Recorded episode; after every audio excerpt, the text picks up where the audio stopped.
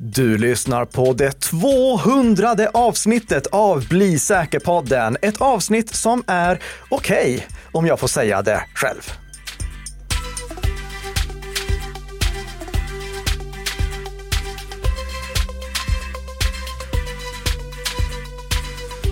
Ja, god morgon, god morgon, kära säkerhets och internetnördar som lyssnar på det här avsnittet. Framför allt er som tog den här referensen där inledningsvis, att eh, avsnitt 200 är okej.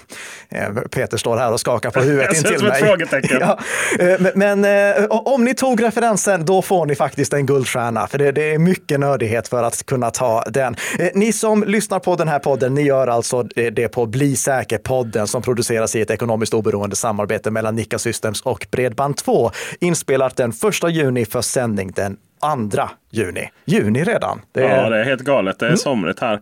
Ska du berätta referensen eller? Nej, det tänker jag inte göra. Det, men om, om någon tog referensen så kan ni ju skriva i kommentarsfältet att ni tog den. Nej, alltså, med den här arrogansen så är det inte konstigt att folk blockerar dig på Twitter. Det kan jag ju säga. Oh, ja, och då kommer vi in på det första som vi ska prata om den här veckan och det, det är lite uppföljning. Ja, det gör vi strax. Men vad är veckans huvudämne egentligen? Eh, förlåt, veckans huvudämne det är elaka Android-appar. Det är ja. det vi ska prata om den här veckan. Eh, och vi ska prata lite om hur Google har förbättrat skyddet mot sådana här elaka Android-appar under eh, de senaste åren. Eh, men först och främst så ska vi prata om en helt annan Android-sak, en helt Google-fri Android-sak, nämligen Graphene OS. För jag har på sociala medier skrivit att vi ska prata lite på sikt om Graphene OS också, för de som vill ha säkerheten och integriteten och fördelarna och apparna som Android erbjuder utan att Google är involverade. Och då har grafin-OS varit ett fantastiskt bra alternativ. Men jag får säga att nej, vi kommer inte att prata om det på överblickbar framtid. För Louis Rossman, som är en av, eh, en av mina Youtube-favoriter får jag säga, otroligt kompetent person som reparerar Macbooks, inte bara byter ut saker i Macbooks utan faktiskt reparerar Macbooks. Han har förespråkat grafin-OS väldigt, väldigt länge och gjort flera videor om hur bra det är.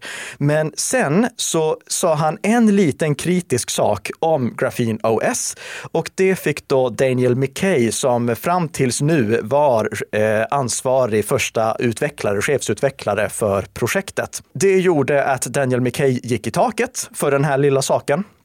Och eh, Louis Rossman spelade då in en ny film eh, där han eh, kort och gott förklarade citat Do I feel comfortable running your code on my phone after reading this? Not really. Slutcitat.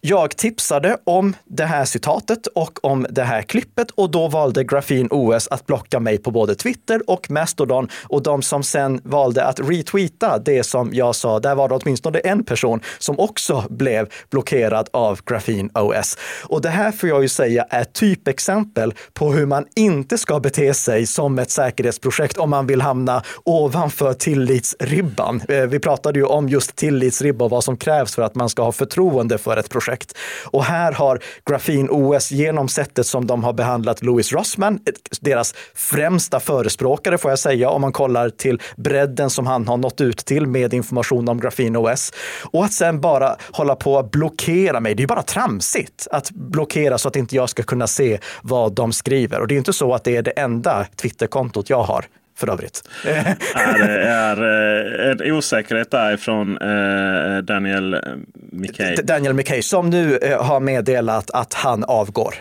Så, vi, får väl se. Ehm, de, de, har blockerat mig efter att han avgick. Det gjorde de på Mastodon efter att han avgick. De kommer förhoppningsvis styra upp det här projektet, men att inte tåla kritik, det gör ju att jag inte tål dem. Nej. Så, eh, eh, fram tills att de har bättrat sig, vilket jag hoppas att de gör, för det är ett fantastiskt projekt, eh, så kommer vi inte att prata om Graphene OS. Nej. Och jag tycker att vi nu då går in och pratar om något eh, roligare, även om det är ett, ett syfte där eh, situationer uppstår som inte är så himla roliga. Men Brave har gjort någonting riktigt bra. Det har de verkligen gjort. Vi ska prata om vad Brave, eh, webbläsaren, har eh, föreslagit som, ett, eh, som en ny header till webbplatser i syfte att skydda utsatta personer där den som utsätter personen för någon hemskhet har åtkomst till den utsatta personens dator, mobiltelefon eller surfplatta.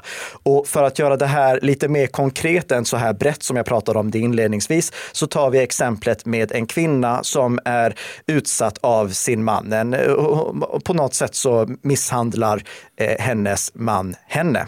Det här är ett förslag som kallas off the record begäran. Du vet, off the record, det är någonting som ofta förekommer i journalistiska sammanhang. Du säger att okej, okay, nu tar vi det här off the record. Det här är inte någonting som ska skrivas ner. Och det är precis det som nu Brave har föreslagit att ska byggas in ett stöd för i alla webbläsare och som Brave redan bygger in stöd för i nästa version av Brave och näst, nästa, förlåt, nästa version av Brave på skrivbordet och näst, nästa version av Brave på Android.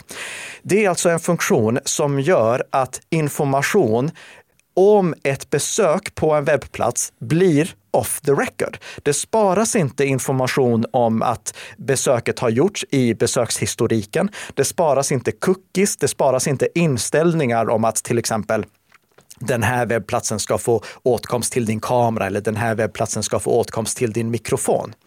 Och det är för att om en kvinna som är utsatt av sin man går till en eh, eh kvinnorättssida eller kvinnojoursida, eh, eller webbplats ska jag egentligen säga, då vill inte den kvinnan att det besöket ska sparas på något sätt i webbläsaren så att hennes man kan se att hon har besökt de här webbplatserna. Och då kan ni ju tänka, ja men det är ju inte svårare än att eh, kvinnan aktiverar inkognito-läget eller det privata läget i webbläsaren. Och absolut, det är inte svårare än så. Men risken för att hon missar det, det förekommer ju. Och här kan man också säga, ja fast det går ju att radera eh, historik ur loggen. Ja, men det ska mycket till för att en utsatt kvinna ska komma ihåg att okej, okay, jag måste gå in i besöksloggen och radera besöket och jag måste radera de relaterade kakorna eller allting som är relaterat till den specifika domänen, inklusive rättigheter som jag har gett. Det finns alltså stor risk för att om kvinnan besöker de här webbplatserna utan att ha inkognitoläget aktiverat, då kan det finnas spår som mannen kan upptäcka. Och hur förhindras det då? Jo, det förhindras genom att när en webbplats som vet att det här är ett potentiellt känsligt besök eh, för att det är liksom det som den här webbplatsen syftar med, till exempel en kvinnojourswebbplats. När någon går till den webbplatsen, då kan den webbplatsen inkludera en sån här off the record header. Och det får då kompatibla webbläsare, än så länge bara kommande versioner av Brave, men förhoppningsvis alla webbläsare, att innan någonting visas, fråga besökaren, vill du att vi går off the record så att inte information om ditt besök, eventuella cookies och eh, eh tillstånd eller behörigheter sparas? Så att det minimeras risken för att det här är någonting som ligger kvar i besökshistoriken, någonting som lämnar spår efter sig. Då kan besökaren välja, ja, jag vill gå in i off the record-läge eller nej, jag vill inte gå in i off the record-läge. För det kan ju hända att alltså, om jag skulle gå till en kvinnojoursida, jag har inget behov av att eh, dölja att jag har varit på den webbplatsen, för det är ingen som övervakar min dator. Men så är det ju inte i alla fall. Det här är en funktion som Brave själva säger att de gärna hoppas att andra webbläsare också anammar. Antingen att de lyssnar efter den här off the record-headen och då presenterar en sån här eh, informationsruta som frågar användaren, vill du gå in i off the record-läge? Eller eh, en lista över webbplatser som har lagts till på en, eh, ja, en färdig lista med webbplatser som är off the record känsliga, eh, där eh, det finns skäl för besökaren att inte vilja avslöja för någon som har tillgång till historiken att han eller hon har befunnit sig på den webbplatsen. Vad, eh, när skyddar detta och när skyddar det inte? Det här skyddar i alla sammanhang då den svartsjuke mannen eller kvinnomisshandlaren kollar i historiken för att se vad kvinnan har gjort. Alltså, på enheten då? På enheten, har fysisk tillgång till enheten. Och min rekommendation är ju självfallet att ja, två stycken partners ska aldrig ha tillgång till varandras enheter. Men det är ju väldigt lätt för mig att stå här och säga. Ja, ja. Så eh, vi, vi, måste förutsätta att så inte alltid är fallet. Och om då eh, mannen har tillgång till den här historiken, då skulle mannen kunna kolla igenom vilka webbplatser har kvinnan besökt. Men det här skyddar inte alltid. Eh, det skyddar till exempel inte om det finns ett spionprogram på datorn. Om det gör det, då kan mannen se allting som sker ändå. Och det skyddar inte mot trafikövervakning. Ifall mannen har tillgång till routern eller kan se DNS-uppslagen, till exempel via NextDNS, där går det att slå på loggning, då kan mannen ändå se att de här webbplatserna besöks. Just det, till exempel mitt Unify-nätverk kan jag ju logga in och bara se allt som har hänt. Exakt. Men om då kvinnan har slagit på VPN, Mm. Då kan eh, mannen inte se det. Eh, men det förutsätter ju då att kvinnan har tillgång till en VPN-tjänst och kommer ihåg att slå på det. Det här är alltså inte något hundraprocentigt skydd på något vis. Om du som lyssnar på den här podden är utsatt eller känner någon som är utsatt, poängtera för den personen att om det är känsligt att han eller hon besöker sådana här webbplatser, gör det i första hand från mobilen över mobilnätet, för det är den minsta risken att det blir övervakat övervakat. Men om det är extremt kritiskt, mobilen kan vara infekterad, gå till ett bibliotek och gör besöken därifrån istället. Men överlag för att minimera eh, Använd VPN-tjänst i kombination med eh, inkognito-läge fram tills dess att den här funktionen förhoppningsvis har implementerats i alla webbläsare och därefter Eh, så hoppas vi att så många webbplatser som möjligt väljer att slå på den. Men kom ihåg, VPN krävs fortfarande för att dölja trafikmönstret, eller eh, inte trafikmönstret, trafik, eh, trafiken överlag i eh, eh de loggar som du till exempel nämnde i Unify-nätverket. Men Karl-Emil Nicka, ända sedan jag började podda med dig så har vi pratat om Brave, Brave, Brave, Brave hela tiden. Och sen eh, avslutar vi alltid med att ja, det är ju ingen rekommendation. Ja, det är för att Brave är en kontroversiell webbläsare. Eller nej, det är det inte. Eh, organisationen bakom Brave är kontroversiell. Vi gör ett avsnitt, vi, vi säger som så här, om, eh, nu i sommar då gör vi ett avsnitt där jag går igenom varför eh, Brave har varit kontroversiella. Jag har ju förespråkat Firefox istället i många sammanhang, men Firefox ligger lite efter på utvecklingen i många sammanhang nu. Plus att Firefox misskötte sig i eh, förra veckan. Ja, det gjorde de sannerligen. de började lägga in annonser för eh, Mozilla VPN på andra webbplatser. Helt oacceptabelt. Det är bara spionprogram som gör så. Hur, eh, hur ja, nej, det är, ja. ja men, men vi gör som så här. Är, nu har alla webbläsare misskött sig. så, eh, eller kanske inte Safari. Nej, jag Nej, tänkte också det. det. Safari. Jag går inte göra något med den webbläsaren.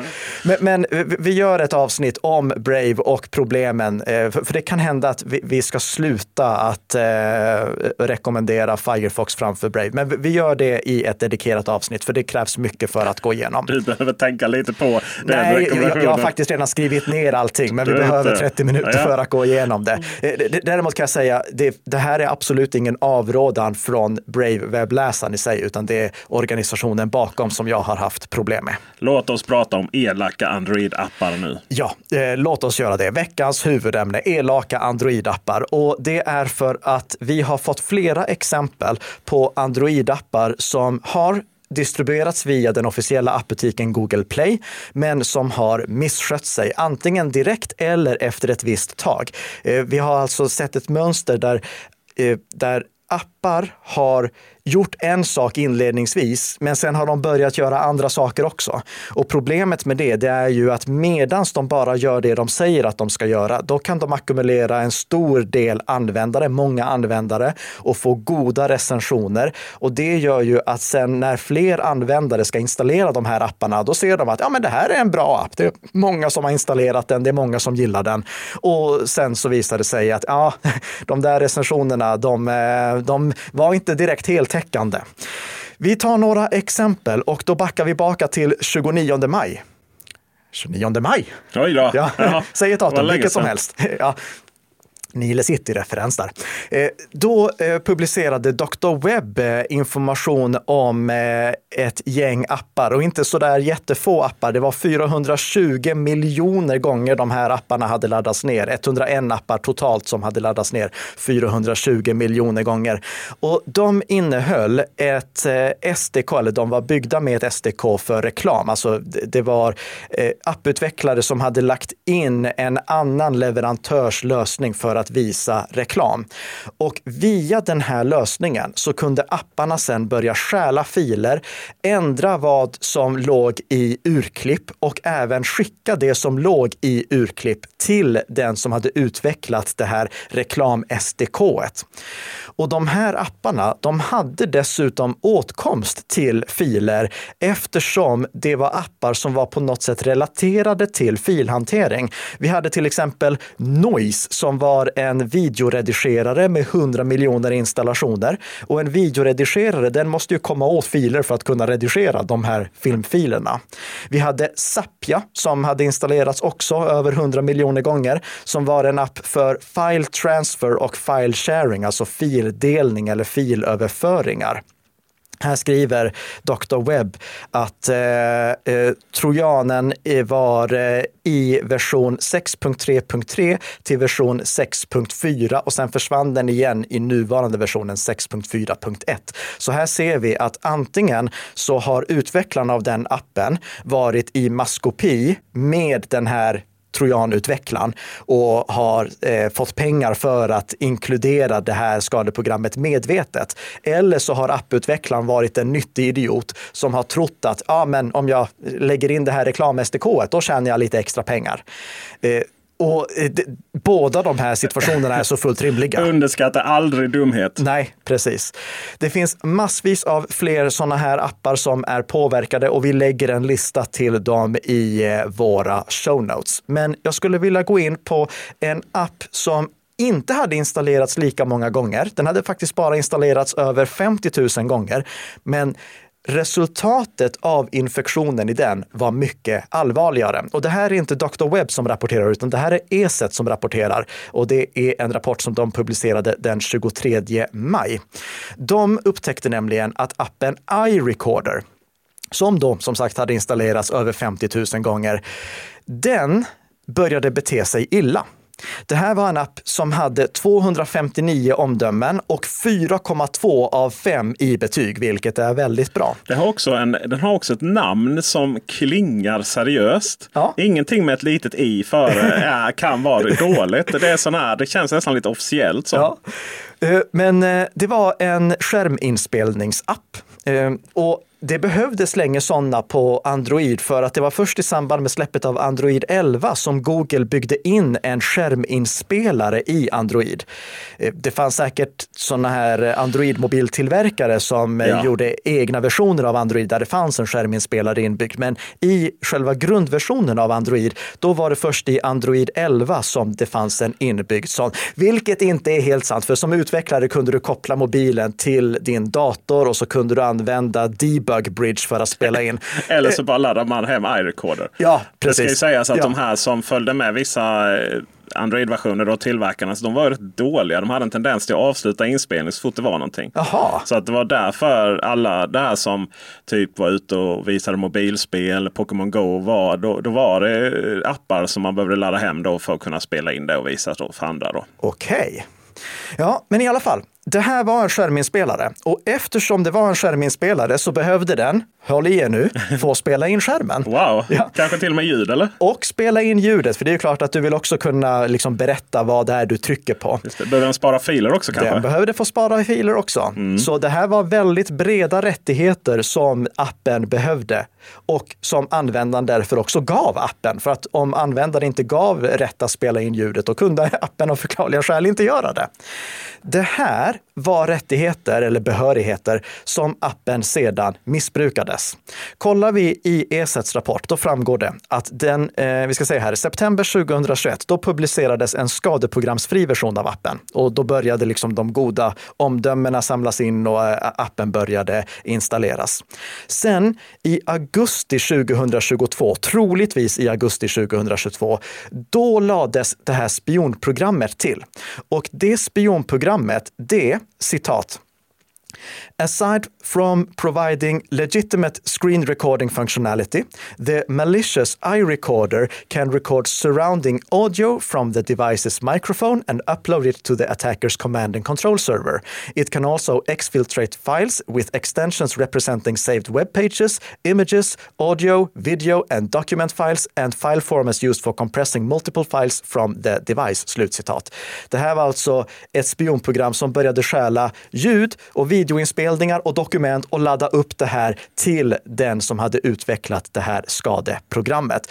Och det som gör just det här exemplet så allvarligt, det är ju faktumet att eftersom appen redan hade åtkomst till alla de här behörigheterna, appen hade redan rätt att göra allt det här, så kunde appen börja göra det utan att användaren gjorde något annat än trycka på uppdatera alla appar i Google Play. Det här så här efterhand låter det helt absurt, men vi har ju haft Google och Android-telefoner i så många, många år. Ja. Vad finns det för åtgärder att göra? Har man, har man försökt lösa det?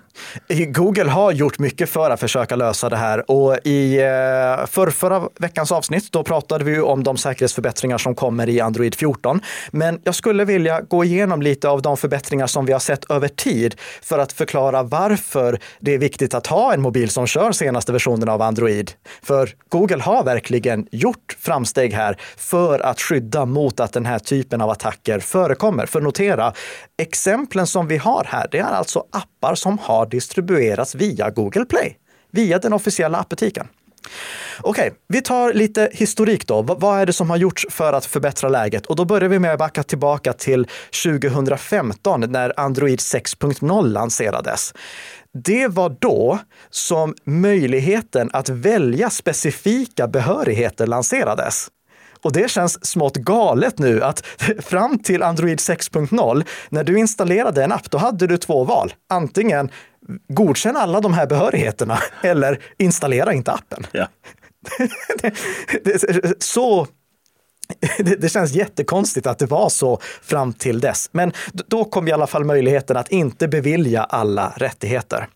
I Android 10 och senare ska jag egentligen säga, då har Google arbetat med det som kallas scoped storage, som är att begränsa vilka filer som en app får rätt att faktiskt skriva till och läsa. Någonting som förbättrades ytterligare, eller som kommer förbättras ytterligare i Android 14 som vi pratade om när det gäller just möjligheten att att eh, begränsa vilka eh, foton och videor som en app ska få tillgång till.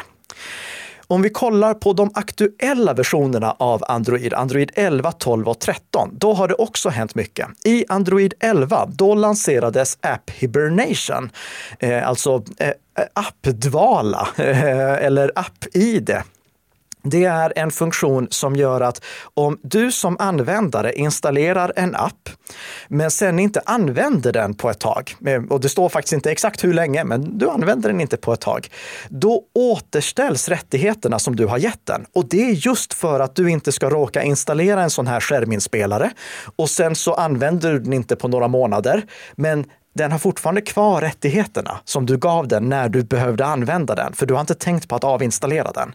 Så därför finns den här App Hibernation-funktionen som automatiskt plockar bort rättigheter från appar som du inte använder. Och det bästa här, det är att Google har backportat den funktionen till Android 6.0 och senare. Backportat? Ja, okej, okay, vad, vad heter det på svenska? Det, i, Bakåt bakåtkompatibilitetsgjort det. det, det ja, ja, där hade vi det. undrar om det går att googla det ordet. Ja, de har lanserat tillbaka den funktionen på Android 6.0 eller senare genom Google Play. Sen i Android 12 som släpptes 2021, då tillkom de här indikationerna för när kameran och mikrofonen används. Och det är funktioner som eh, inte tidigare fanns på Android. Det känns också som att ja, men, det borde ha funnits sedan start, men det var först då som de här indikatorerna för när kameran och mikrofonen används kom. Funktioner som känns självklara idag. Ja, det gör det. Men samtidigt så eh, när det kom så blev ju folk, jag vet särskilt på iOS, så blev ju folk bara så Åh, varför används micken här och nu? Ja. Och, och framförallt kanske ännu mer så när GPSen då, varför används min eh, lokalisering? Mm. Ja, men det är ju då för att det är kanske ett program som behöver veta var vi är av olika anledningar. Om det så bara handlar om att presentera vädret eller vad ja. det kan vara. Sådär. Så det, det skapar ju lite oro också. Men det är klart att det är en, en bra uppdatering. Mm. Absolut. Eh, sen så har vi också i Android 12 eh, möjligheten, eller förlåt, eh, då visas det i eh, en liten notis när appar hämtar data från urklipp. Det var ju det som TikTok bland annat avslöjades med på iOS, att eh, TikTok läste vad som låg i urklipp. Eh, I Android 12 då kom funktionen till Android också som visar att om en app begär åtkomst till urklippen, då visas det för användaren så att det avslöjas. Båda de här funktionerna, alltså urklippsnotisen och indikatorerna för kamera och mikrofon, det är ju sånt som gör att användare kan avslöja appar som beter sig bedrägligt. Och eftersom det är implementerat på operativsystemsnivå så är det ingenting som appar kan förhindra att visas. En app kan till exempel inte göra så att det inte visas eh, en notis när den hämtar någonting från urklipp eller att den eh, spelar in från mikrofonen. Samtidigt så innebär ju det att det då inte oh, bakåt det utvecklas vad sa du? Vad översatte vi nu? Ja, du, jag vet inte vad vi översatte det till. Det backportas inte till de äldre versionerna då, utan det är bara Android 12. Precis. Och sen med Android 13, då tillkom funktionen som gör att urklipp rensas automatiskt också. Om du sparar någon känslig information som har taggats som känslig information, till exempel en e-postadress, telefonnummer eller inloggningsuppgifter, till exempel lösenord, då kommer Android automatiskt att plocka bort det ur urklipp så att det inte ligger kvar i urklipp och kan flera timmar därefter eh, snappas upp av en annan app. Också en riktigt trevlig funktion. Så här ser vi hur Google har blivit bättre och bättre bättre för att med tiden skydda oss mot appar som är kanske inte farliga från början, men blir farliga på sikt och slinker igenom Googles granskningsprocess Google Play Protect. Men vi bör ändå fortsätta att vara väldigt restriktiva med vilka appar vi installerar och vi bör passa på att till och från se över vilka appar som vi har gett vilka behörigheter. Det här gäller både på Android och på iPhone. På Android så kan du få en väldigt eh, tydlig översikt över vilka appar som har vilka rättigheter genom att bara öppna inställningar, klicka på säkerhet och integritet, fälla ut integritetsöversikten och klicka på behörighetshantering. Det är i alla fall så du gör om du kör Android 13, grundversionen av Android 13. Och Android 13 är alltså den senaste släppta versionen av Android. På iPhone gör du samma sak genom att öppna inställningar och trycka på integritet och säkerhet. Så passa på att göra det nu när du har lite ledighet i sommar förhoppningsvis. Passa på att se vad har jag egentligen för appar och vilka behörigheter har jag gett dem och varför behöver alla de här olika apparna åtkomst till min kamera eller till min position eller till min mikrofon. Plocka bort de behörigheter som du inte känner dig bekväm med att leverera och avinstallera appar helt och hållet som du inte längre använder. Men en app som jag hoppas att du använder i sommar, det är din poddspelare. För att då kan du nämligen lyssna på fler avsnitt av Bli säker-podden. För under sommaren, då fortsätter vi såklart. Det kommer ett nytt avsnitt redan nästa vecka vecka av Bli säker-podden som gör dig lite säkrare för varje vecka som går. Tack så jättemycket för att ni har lyssnat och trevlig helg!